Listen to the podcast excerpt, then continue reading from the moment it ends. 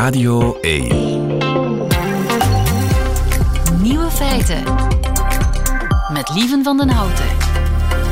Dag en welkom bij de podcast van Nieuwe Feiten van vrijdag 12 januari 2024. In het nieuws vandaag dat de lelijkste pelouse ter wereld bekend is. De lelijkste pelouse, inderdaad. Kathleen Murray uit Australië is de trotse winnaar van de nieuwe trofee. World's Ugliest Lawn. In het leven geroepen door een Zweedse organisatie die zich inzet voor milieuvriendelijk tuinieren en verzet tegen waterverspilling. Mensen van over de hele wereld mochten foto's insturen van hun grasperk. En vervolgens pikte een deskundige jury er de lelijkste uit. En die van Kathleen uit Australië, ja, die sprong er echt uit. Het is meer maanlandschap dan pelouse. Met kraters uitgegraven door dieren. Hier en daar een plukje vergeeld gras. En overal bruin geworden onkruid. Zo moet het, volgens de jury. Kathleen uh, die voelt zich nu bevrijd. Ze kan in het weekend weer leuke dingen doen zonder aan haar verschroeide gras te denken. En ze is ook niet langer kwaad op haar ex, die acht jaar geleden met de grasmachine verdween. En in de lente groeit alles toch weer terug. Maar goed, dit zijn de andere nieuwe feiten vandaag. In Zweden moet de opperbevelhebber van het leger in het jeugdjournaal aan kinderen uitleggen dat er geen oorlog komt. Apen herkennen vrienden die ze in geen twintig jaar hebben gezien. Annelies Bontjes, de Nederlandse journalist in Brussel, ontdekt grote verschillen tussen de Nederlandse en de Belgische gezondheidszorg. En of het op sommige planeten diamanten regent, dat verneemt u in de vrijdagquiz. Stoomboot zingt het nieuws in het middagjournaal. Veel plezier.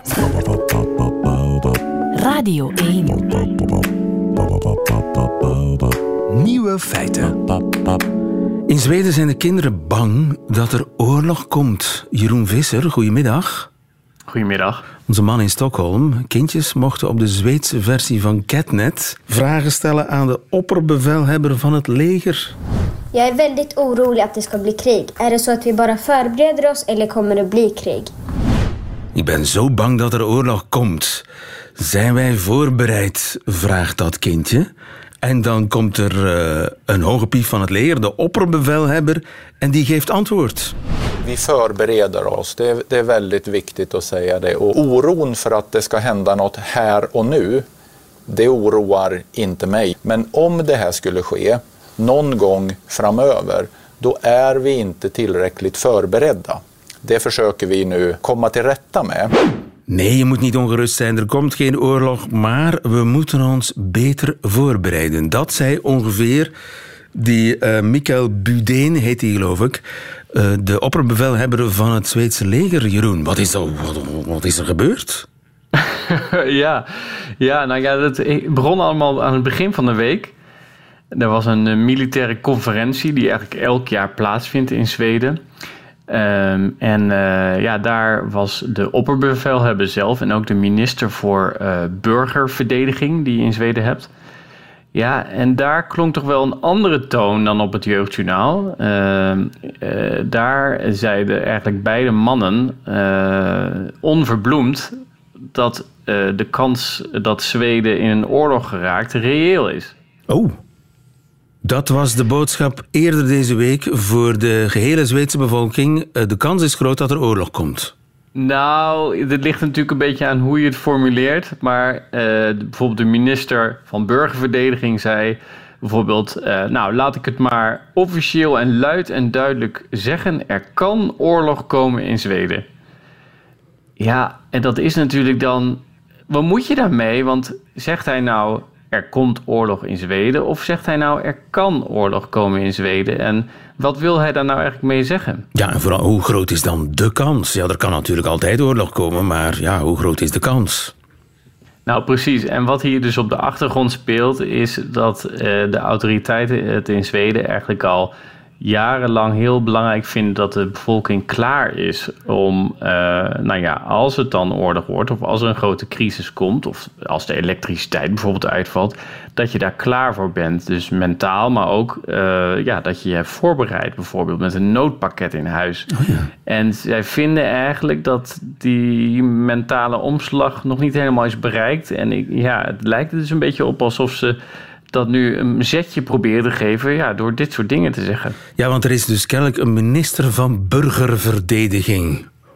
Wat moet hij Klopt. doen? En dat is, ja, en dat is eigenlijk heel Zweeds. Hè. Je, tijdens de Koude Oorlog uh, was er eigenlijk al een, een, een traditie van ja, uh, paraat zijn voor als uh, het rode gevaar ooit de oversteek zou wagen. En er werden boekjes uitgegeven voor wat te doen als het oorlog wordt. En er waren allerlei uh, vrijwilligersbrigades actief in Zweden. Uh, ja, en daar komt ook die, ja, dat, die, dat ministerschap voor burgerverdediging uh, vandaan.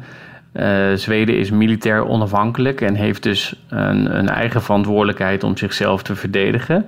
Meer dan bijvoorbeeld Nederland en België, want die zitten in de NAVO. Zweden ja, toch ook dus, zo goed als?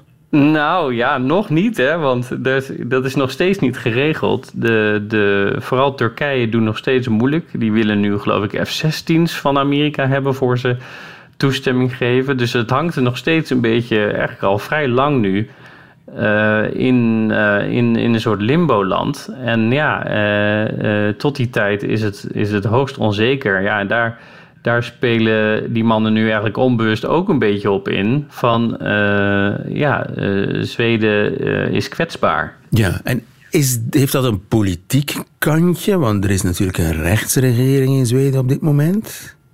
Ja, dat zou je zeggen, maar aan de andere kant, kijk, de, de, al die gelden die nodig zijn voor het leger en investeringen en zo, dat is eigenlijk al lang afgesproken. Want uh, omdat Zweden dus bij de NAVO gaat, uh, moet de defensiebegroting ook omhoog. En vanwege de dreiging in Oekraïne is er ook heel veel steun voor om veel geld uit te geven aan defensie. En Zweden heeft ook een hele grote defensieinfrastructuur met uh, eigen bedrijven die, die defensiematerieel maken. Dus, eigen gevechtsvliegtuigen en zo, hè? Precies, van Saab bijvoorbeeld. Dus ja, je, dus je, is eigenlijk geen, je zou verwachten dat het niet een oproep is voor meer geld. Want dat, het geld stroomt al naar uh, het leger momenteel vanwege de oorlog in Oekraïne. Dus waarom dan nu deze dreigende taal? Ja, dat kan alleen maar, denk ik, te verklaren zijn door een soort van zorg over de mentale weerbaarheid van de Zweden. De burgers, de burgerverdediging moet weer uh, opgepookt worden. En ja, we hoorden die opperbevelhebber aan de kindjes zeggen aan in het jeugdjournaal... ja, uh, in een verdere toekomst zou het eventueel wel kunnen... en dan zijn we niet echt goed voorbereid. Wat moet een doorsnee Zweeds gezin dan doen om voorbereid te zijn op de komst van de Russen? Ja, je moet dus uh, een noodpakket in huis halen. Dus dan genoeg water, in ieder geval voor twee, drie dagen. En uh, voedsel in blik. Uh, en een radio, die werkt op batterijen. Hè? Dus als er geen elektriciteit is, dan heb je natuurlijk een radio op batterijen nodig. Ja, en in ieder geval uh, dus die dingen. Um, uh, en dat je bijvoorbeeld weet waar de dichtstbijzijnde schuilkelder is. Die heb je hier in Zweden best wel veel. Uh, dus nou ja, dan moet je even kijken in de buurt waar je dan naartoe kan. ik kan bijvoorbeeld tegenover mijn huis is een soort flatgebouw. Dus daar kan ik dan in de kelder gaan schuilen. Dat is voorzien? Nou ja, dat soort dingen. Dat staat in een plan? Dat, nou, het staat in dat boekje van uh, als het oorlog wordt of als er een crisis komt, dan uh, daar staat bijvoorbeeld een lijstje in wat je bijvoorbeeld in huis moet halen om goed voorbereid te zijn. Uh, en zelf moet je dan nog nagaan waar je dan eventueel zou kunnen schuilen. Oké. Okay. Ja, en de minister zei, je kan ook je aansluiten bij zo'n vrijwilligersbrigade. om, ja, dat helpt natuurlijk ook ontzettend bij de weerbaarheid van Zweden. Oké, okay, en zou jij dat als een uh, buitenlander dat ook kunnen doen? Onder de, onder de wapenen gaan? Of onder de burgerwapenen nou, gaan? Nou, sterker nog, als uh, buitenlandse inwonende in Zweden ben je verplicht om mee te helpen aan de verdediging van het land, mocht dat nodig zijn. Dus ja, ook ik heb mijn rol, mocht, uh, mocht het rode gevaar alsnog komen. of iets anders natuurlijk. Maar uh, dus dat is, het is zeker geen vrijblijvendheid. En dat is precies wat ze dus willen communiceren. Alleen ik vrees dat ze dat nu een beetje op een te dramatische manier hebben gedaan. Ja, want ja, als je bange kinderen was natuurlijk niet helemaal de bedoeling, lijkt me. Ja, en dat hebben ze nu een beetje moeten rechtzetten. Maar heb je het gevoel dat de doorsnee Zweden, er is natuurlijk een groot verschil tussen Stockholm en de rest, of tussen stad en platteland dat die, dat die daarin meestappen, dat die effectief ook denken van oké, haal ik dan allemaal wel in huis. Die uh, transistorradio, batterijen, die, die voorraad water en voedsel in blik. Doen ze dat echt, de Zweden? Ik heb het wel gedaan, maar ja, goed, uh, misschien uh, ben ik een extreem verantwoordelijk persoon, maar uh, dat had ik al gedaan. Hoeveel ik weet liter heb, nu... je, heb je in huis? Nou, toch 20 liter lijkt wow. me toch wel een minimum, ja. Dat, je hebt, je hebt toch veel water nodig dat je op een dag drinkt. Dus uh, als je dan een paar dagen met kinderen wil, uh, wil doorbrengen, wil overleven, dan heb je veel water nodig. Zijn wij hier in België te gerust dat de Amerikanen ons wel zullen komen redden? Ja, nou misschien wel. Ja, kijk, het is gewoon uh, denk common sense om gewoon goed voorbereid te zijn. Dat, daar kan ik de autoriteiten in Zweden geen ongelijk in geven. Uh, ik heb hiervoor in Korea gewoond en daar was precies hetzelfde. Hè? Je moet gewoon goed voorbereid zijn. En dus dat lijkt me op zich geen overbodige luxe. Alleen je moet het ook niet te dramatisch zijn. Er zijn absoluut geen aanwijzingen dat de, de oorlog op het punt staat van losbreken in Zweden. En als Zweden wordt aangevallen, mocht dat ooit zo zijn, dan krijgt het ook heus wel hulp van uh, andere Europese landen, ook als het nog niet in de NAVO zit. Ja. Uh, en hulp van Jeroen uh, Visser ook, hè, begrijp ik. Dus uh, niets aan de hand.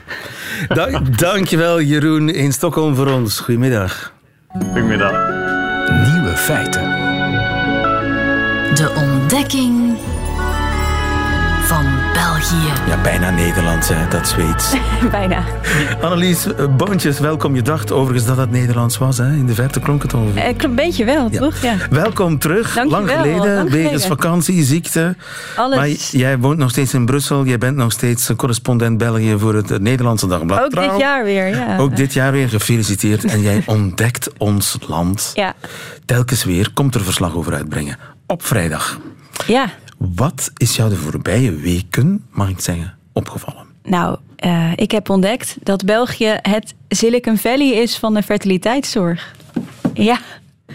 Ja. Je ziet mij verward. Ik zie dat je stel achterover valt. Maar, Wij zijn het Silicon Valley van de fertiliteitsbehandelingen. Ja, klopt. Uh, Hoe heb je dat ontdekt? Nou, ik heb een podcast geluisterd. En die podcast heet Voor een baby naar België. Uh, dat is van een Nederlandse vrouw. Voor een baby naar België. Ja, spannend. Oh, heerlijk. Ja. ja. spannende titel al. Het, is, uh, het gaat over een Nederlandse vrouw. Nicole Huisman heet zij. En zij, nou ja, zij wilde heel graag met haar vriend een baby. En dat lukte niet. En toen bleek dat de Nederlandse zorg tekortschoot. En toen is ze naar België uitgeweken. Uh, ik heb een klein stukje meegenomen van de podcast. Toen zijn we via een vriendin terechtgekomen bij een, uh, bij een kliniek bij een, binnen een ziekenhuis in Nederland. De conclusie was eigenlijk al heel snel: er is niks met jullie aan de hand. En uiteindelijk wees, uh, wees onze arts, onze Belgische arts erop. Nou, er is wel degelijk iets aan de hand. Hier zie je een kolom met de getallen wat de norm is. Hier zie je een kolom met uh, wat die van uh, Friso is. En die is op bepaalde aspecten onder de maat. wat het eigenlijk betekent is dat een zaadje nooit zelf een eitje zou kunnen bevruchten. Of in ieder geval heel moeilijk. Ja. Waardoor IUI of IVF, wat we dan daarna zouden zijn gaan doen, nooit zouden hebben gewerkt nee. bij ons. En dat vond ik echt. Ja, daar sloeg ik echt stel van achterover. Wacht eens even. Dus in ja. Nederland krijgt dat koppel te horen niks aan de hand. Proberen jullie verder maar op de natuurlijke manier? Nee, in Nederland komt er niks aan de hand. Maar we gaan dan nu beginnen met kunstmatige inseminatie. Maar zij zei, ja, uh, als er niks aan de hand is, waarom lukt het dan niet op de natuurlijke manier? Ik wil eerst meer testen krijgen. Waarom ben ik niet zwanger als er niks is? Maar toen zeiden ze in Nederland, nee, we hebben een protocol. We hebben deze testen die we uitvoeren.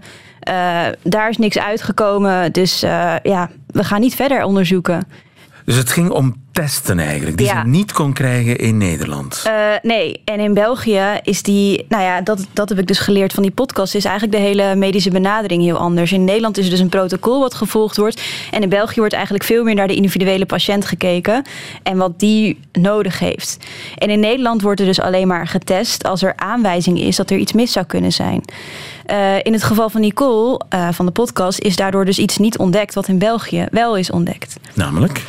Ehm, zij bleek een schildklierafwijking te hebben. Ehm, Hashimoto heet die. En ehm, die afwijking komt vaak voor bij mensen die overgewicht hebben en extreem vermoeid zijn. Nou ja, dat had Nicole allebei niet. Dus bij haar is er niet in Nederland getest op dat ze die schildklierafwijking kon hebben. In België hebben ze gezegd, nou, we willen het toch gewoon uitsluiten. Laten we zeker voor het onzekere nemen. En toen bleek dat ze dat wel degelijk had. En had dat consequenties ook voor haar ja, zwanger worden? Ja, dat bemoeilijkt de zwangerschap. Dus toen heeft ze eerst in België hormonen gekregen om te zorgen dat die afwijking eh, wegging. En dus eerst werd haar lichaam in een soort optimale conditie gebracht voordat ze begon met die kunstmatige inseminatie. En wat dus ook fout is gegaan, is dat dus het rapport eh, van dat zaad van haar vriend, wat ze vertelt, anders werd beoordeeld in België. Dus eh, ja. In België wordt dus meer getest. Er worden ook meer experimentele behandelingen gedaan. Het mag meer kosten. Het mag meer kosten, ja. Want eh, nou ja, in Nederland wordt er op bepaalde dingen niet getest. Kijk, als er bij acht op de tien mensen niks uitkomt... dan zegt Nederland, nou, we kijken naar de grote groep. Voor de grote groep is dit niet goed. En in België zeggen ze, dan, nou, we kijken ja, naar het individu. Voor die enkeling is dat wel heel straf. Ja, dus de gezondheidszorg in Nederland is efficiënter gericht, Ja. georganiseerd, Ja. meer op ja, zuinigheid. Ja, maar daardoor dus ook dat het dus meer ehm, eh, toegankelijk is voor iedereen.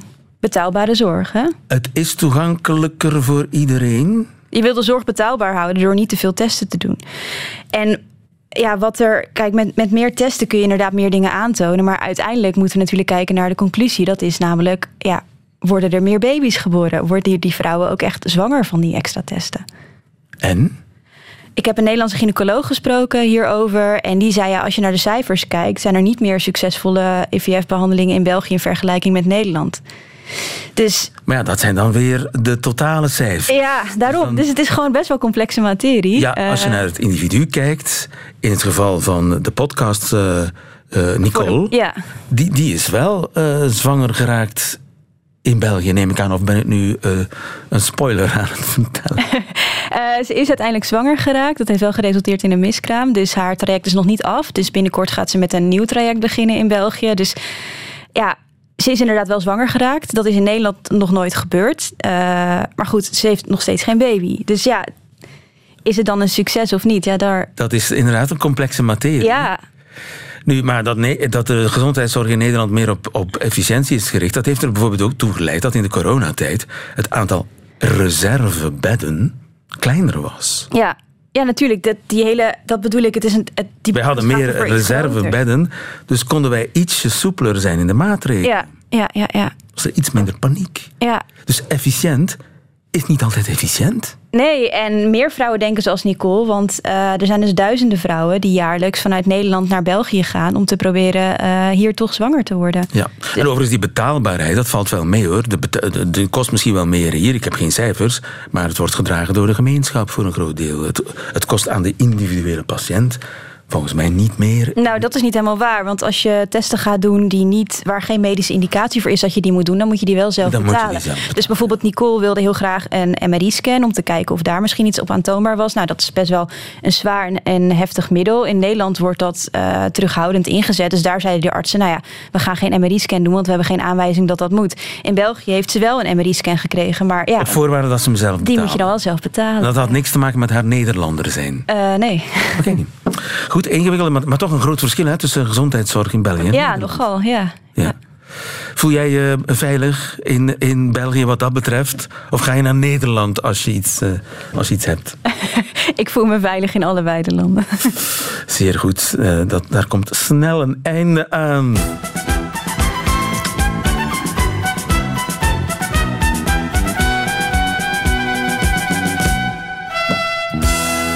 Examen Vlaams. Benieuwd of je je nog veilig voelt? Oh, oh, oh. Wat is een tut? Een toet? Een tut. Een tuut. Een tuut? Een Eh, tuut. En, eh, is dat een... eh, Of een tutter? sommige mensen. Een injectie? en dit? In je arm? Nee. Nee, omgekeerd. Wat is een injectie? À la flamande. Ja. In het Vlaams. Een injectie? denk ik dus. Nee. Oh. Een spuit? Ja. Een piekuur. Een piekuur. Oké. Een piekuur. Ik heb een piekuur gehad. Oei. Amai. Ja. Een dut. Is een... Fopspeen. Oh, oké. Ja, ja, ja. Een nee, ik zeg ja, maar ik vind het helemaal niet logisch. een tuut. Oké, ik vind het wel een lief woord, moet ik zeggen. Een epiduralum. Oei, oei, oei. Ehm, een... We gaan wel meteen moeilijk van de start in het nieuwe jaar, eh, lieve. Eh, een... Omdat je zo goed bent, maak ik het moeilijk. Ja, ja. Een epiduralum. Ze heeft een epidurale gehad. Boah. Een operatie? Dan, of zo? Een, eh, Nee, on- een onderzoek? nee. Een epidurale is eigenlijk een verdoving. Een verdoving? Daar krijg je in je rug geprikt. Oh, oké, ja, ja. En, en vrouwen die heel veel pijn hebben bij de bevalling, Ja. die worden soms met een epidurale. Dat betekent eigenlijk onder de verdoving. Ik, ik, zeg, ik, ik zit hier maar te kletsen alsof ik er alles af weet, maar Ja. epidurale is toch onder verdoving bevallen? Ja, ja, oké. Ik ben nooit bevallen. Dokter Lieve. Ja, dokter Lieven. Doopsuiker.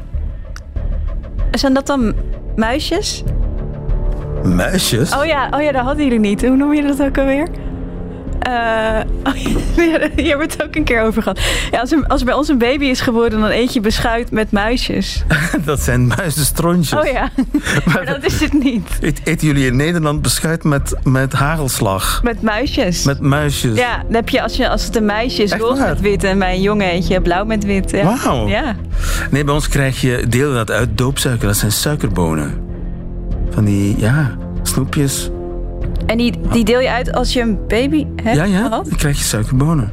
In zo'n pakje. Oké, Ja, raar hè, Ja. die Belgen. heel gek. Doen we nog één, papfles.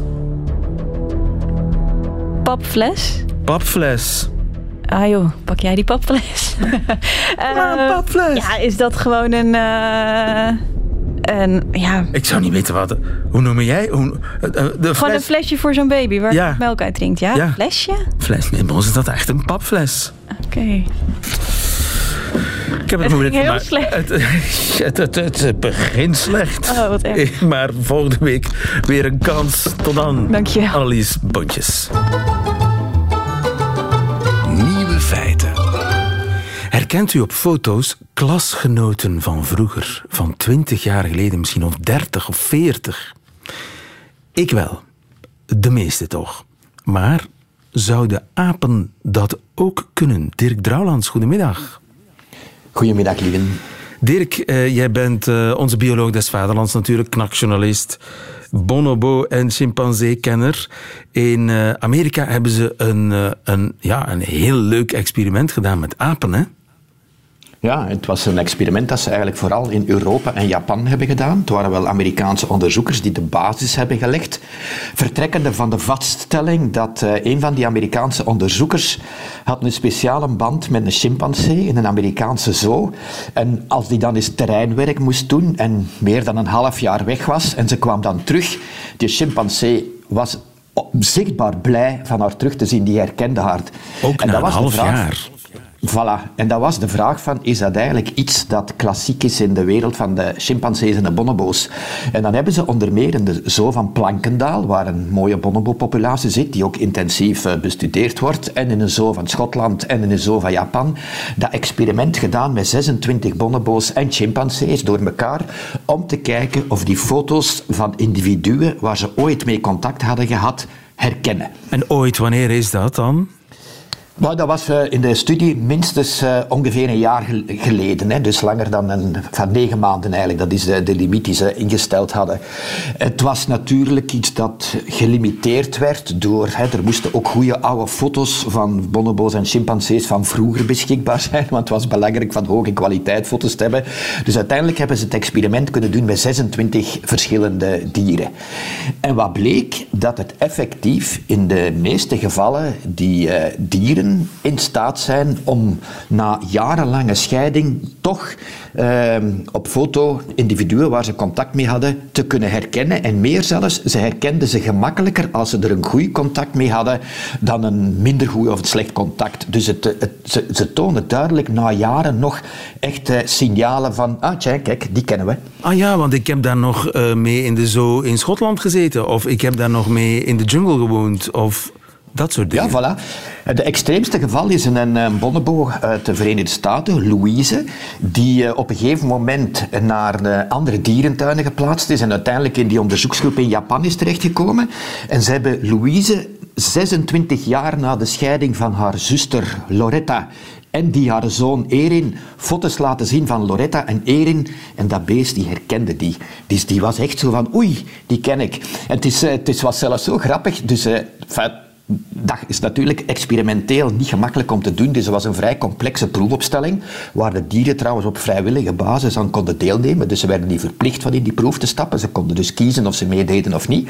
En ze, ze, ze, maar ze moeten natuurlijk, want in uh, dat experiment staat er een camera met infraroodstralen bovenop die computer waar die foto's op geprojecteerd worden. En die camera die volgt nauwgezet hun oogbewegingen. Dus naar welke foto van de twee, hè, dus een vreemde bonobo die ze nooit kunnen gezien hebben en degene die ze eventueel zouden kunnen herkennen, naar welke van de twee kijken ze het meeste. Dus die beesten moeten dan wel stil blijven zitten. En om dat dus in de hand te werken, krijgen die een rietje in hun bek, in hun muil, met uh, fruitsap, dat ze graag hebben. En in sommige gevallen viel die mond van die dieren echt letterlijk open van verbazing en stopte die met drinken als ze zo'n dier zagen dat ze al lang niet meer gezien hadden.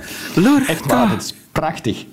Ja, en, maar dat waren dus foto's van toen. Het waren geen recente foto's. Het waren foto's van Loretta zoals ze eruit zag 26 jaar geleden. Ja, dus dat was, een, eh, dat was een van de moeilijke aspecten van dat onderzoek. En daarom zijn ze dus niet verder kunnen gaan dan 26 jaar. Want de kans bestaat dat, hè, want bonobo's kunnen tot 40 tot 60 jaar oud worden, dat het nog verder gaat dan 26. Maar ze waren dus gelimiteerd tot de beschikbaarheid van de foto's. Het is wel zo dat in de natuur, hebben ze daar ook al eens naar gekeken.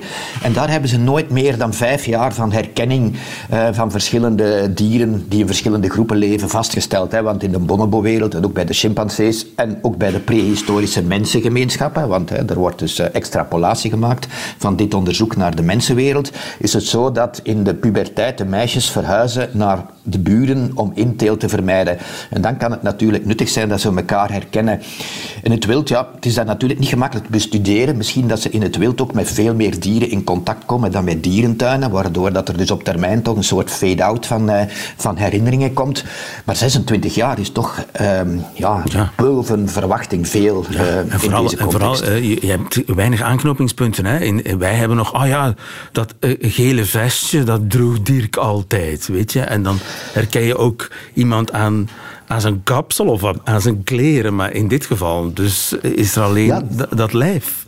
En die komt... Ja, dat weten we dus niet. Welke mate de subtiliteiten van, van zo'n zo'n lichaam op foto of zo'n gezicht op foto, dat die dus dingen zien die wij zelf niet, uh, niet kunnen observeren. Dat weten ze jammer genoeg niet, maar bon goed.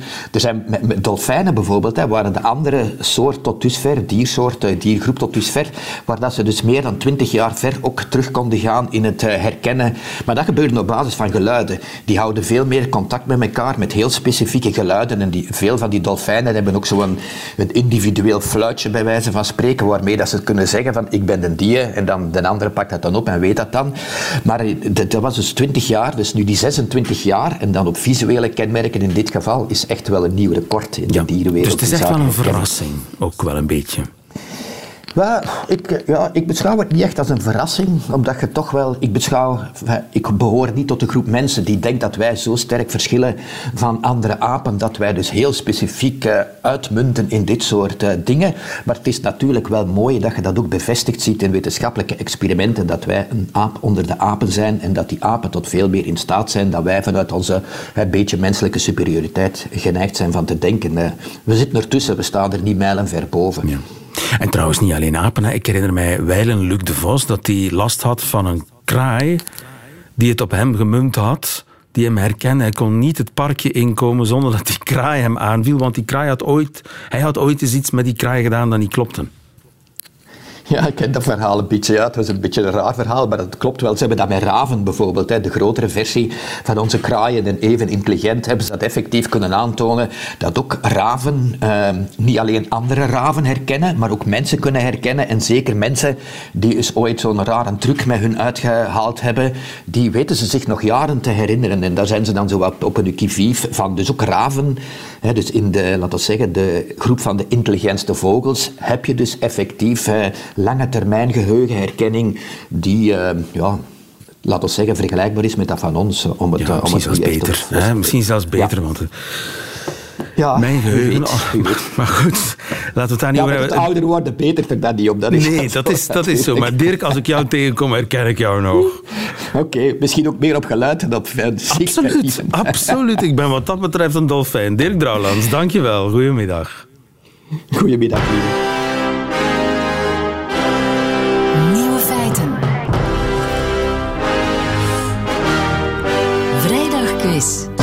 Gilles Wijkmans heeft weer een keiharde nieuwe feiten vrijdag quiz samengesteld. We spelen voor een boekenbon ter waarde van 25 euro. Te verzilveren bij de onafhankelijke boekhandelaar aangesloten bij Confituur. En we spelen met Said uit Lokeren. Goedemiddag, Said. Goedemiddag, lieven. Said de Noep, wat was je aan het doen? Ehm, ik was eh, net een eh, zwarte was aan het eh, ophangen. Een zwarte was. Dat is geen illegale Ja. was, maar gewoon een was Nee. die zwart is. Een, een donkere was, ja. Een donker was. Ik ben zo trots Ja. op je, Said. Je speelt tegen Anna. Lemaitre uit Antwerpen. Goedemiddag, Anna. Eh, goedemiddag, lieve. Was jij ook een zwarte was aan het doen? Eh, nee, ik ben mij aan het klaarmaken om naar mijn vrijwilligerswerk te gaan. Wat, wat doe je vrijwillig? Ehm Oxfam Wereldwinkel eh, openhouden. Ook daar ben ik heel trots op. We gaan, eh, ik ga jullie kennis testen van vier nieuwe feiten. Ik begin bij Said, die zich eerst heeft gemeld. Zolang hij Ja. juist antwoordt, blijft hij aan de beurt. Bij een fout antwo- antwoord gaat die beurt naar Anna. En wie het laatste nieuwe feit goed kent, die wint deze quiz. Said, aan welke ramp hebben we professioneel skateboarden te danken? Een droogte, de oliecrisis of de Sovjetbezetting van Afghanistan? Hmm. Ik denk de oliecrisis. Fout! Nee. Anna, Ehm, ik ga voor C.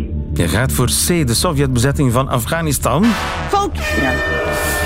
Want het was de droogte. Het was een droogte en dat is wetenschappelijk onderzocht. Ehm, in de jaren 70 werd surfen heel populair in Los Angeles, waarmee dat de culturele basis werd gelegd voor het skateboarden. Maar in 76 en 77 kreeg LA te maken met een enorme droogte. Wij ook. Wa- Dus 76, 77 niet, 76. Ik, van mij was er toen nog geen sprake, dus dat weet ik niet. Maar ehm, in ieder geval betekende dat wel dat mensen hun zwembaden niet konden vullen. En dus waren er heel veel lege zwembaden waarin de beginnende skaters graag gebruik van maakten om mee te skaten. En Oké. zo is het in LA verspreid en uiteindelijk over de hele wereld. En zo is het een sport geworden. Zo is het een sport geworden.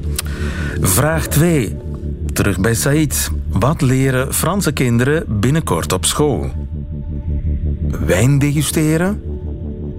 Zich correct aankleden? Aardig zijn? Wijn degusteren.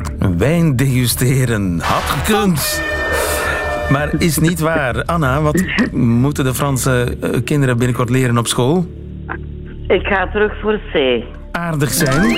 Dat is helemaal goed. Sinds deze week. Duizend eh, Franse scholen hebben nu empathieles. Ehm, en dat komt omdat een miljoen Franse kinderen in de afgelopen drie jaar werden gepest. Wat natuurlijk een verschrikkelijke statistiek is.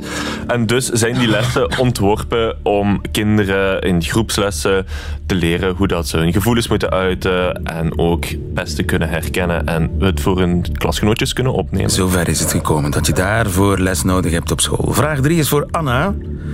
Waarom krijgt een postkantoor in Parijs binnenkort veel naakte mensen over de vloer? A. Het is het eerste postkantoor op een nudistencamping. B. Er komt een pashokje in voor online bestelde kleren.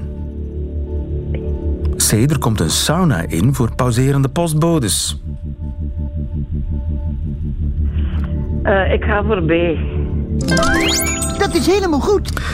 Een pashokje voor online bestelde kleren. Want je kent het probleem ongetwijfeld. Je bestelt kleren online, die komen aan, je brengt die helemaal naar huis, je past die daar en dan blijken ze helemaal niet te passen. En dan moet je terug naar het postkantoor en noem maar op.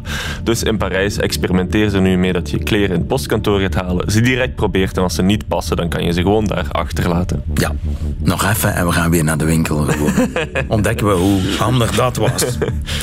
Anna had ze goed, die vraag. Dus dat betekent dat eh, vraag 4 voor haar is de slotvraag.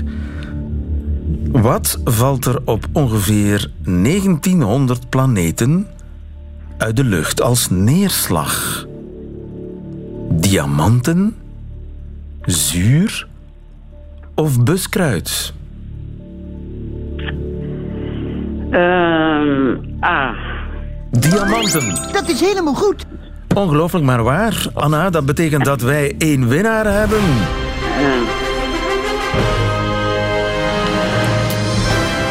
Helaas, Said, maar je hebt toch mooi de zwarte was gedaan vandaag.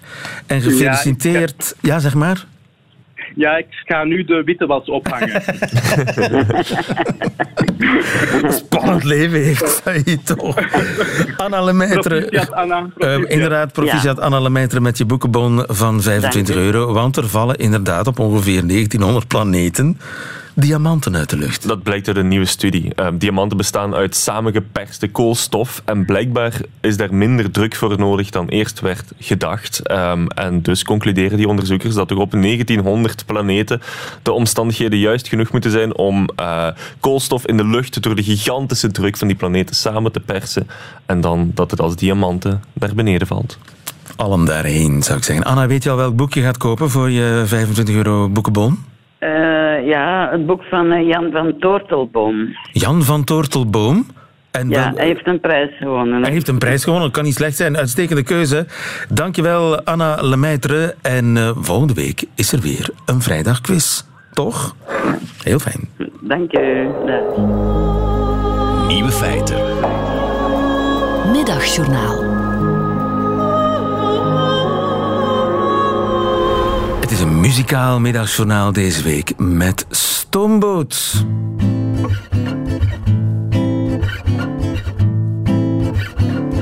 Waar is de koelkast en het koffiemachine? Heeft iemand het migratiewetboek gezien? En wat met onze geloofwaardigheid?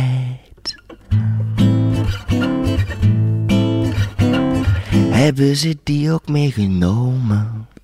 De moor, de moor, de moor, doe eens voort. Zingt het vluchtelingenkoor, de moor, de moor, de moor, les is mooi.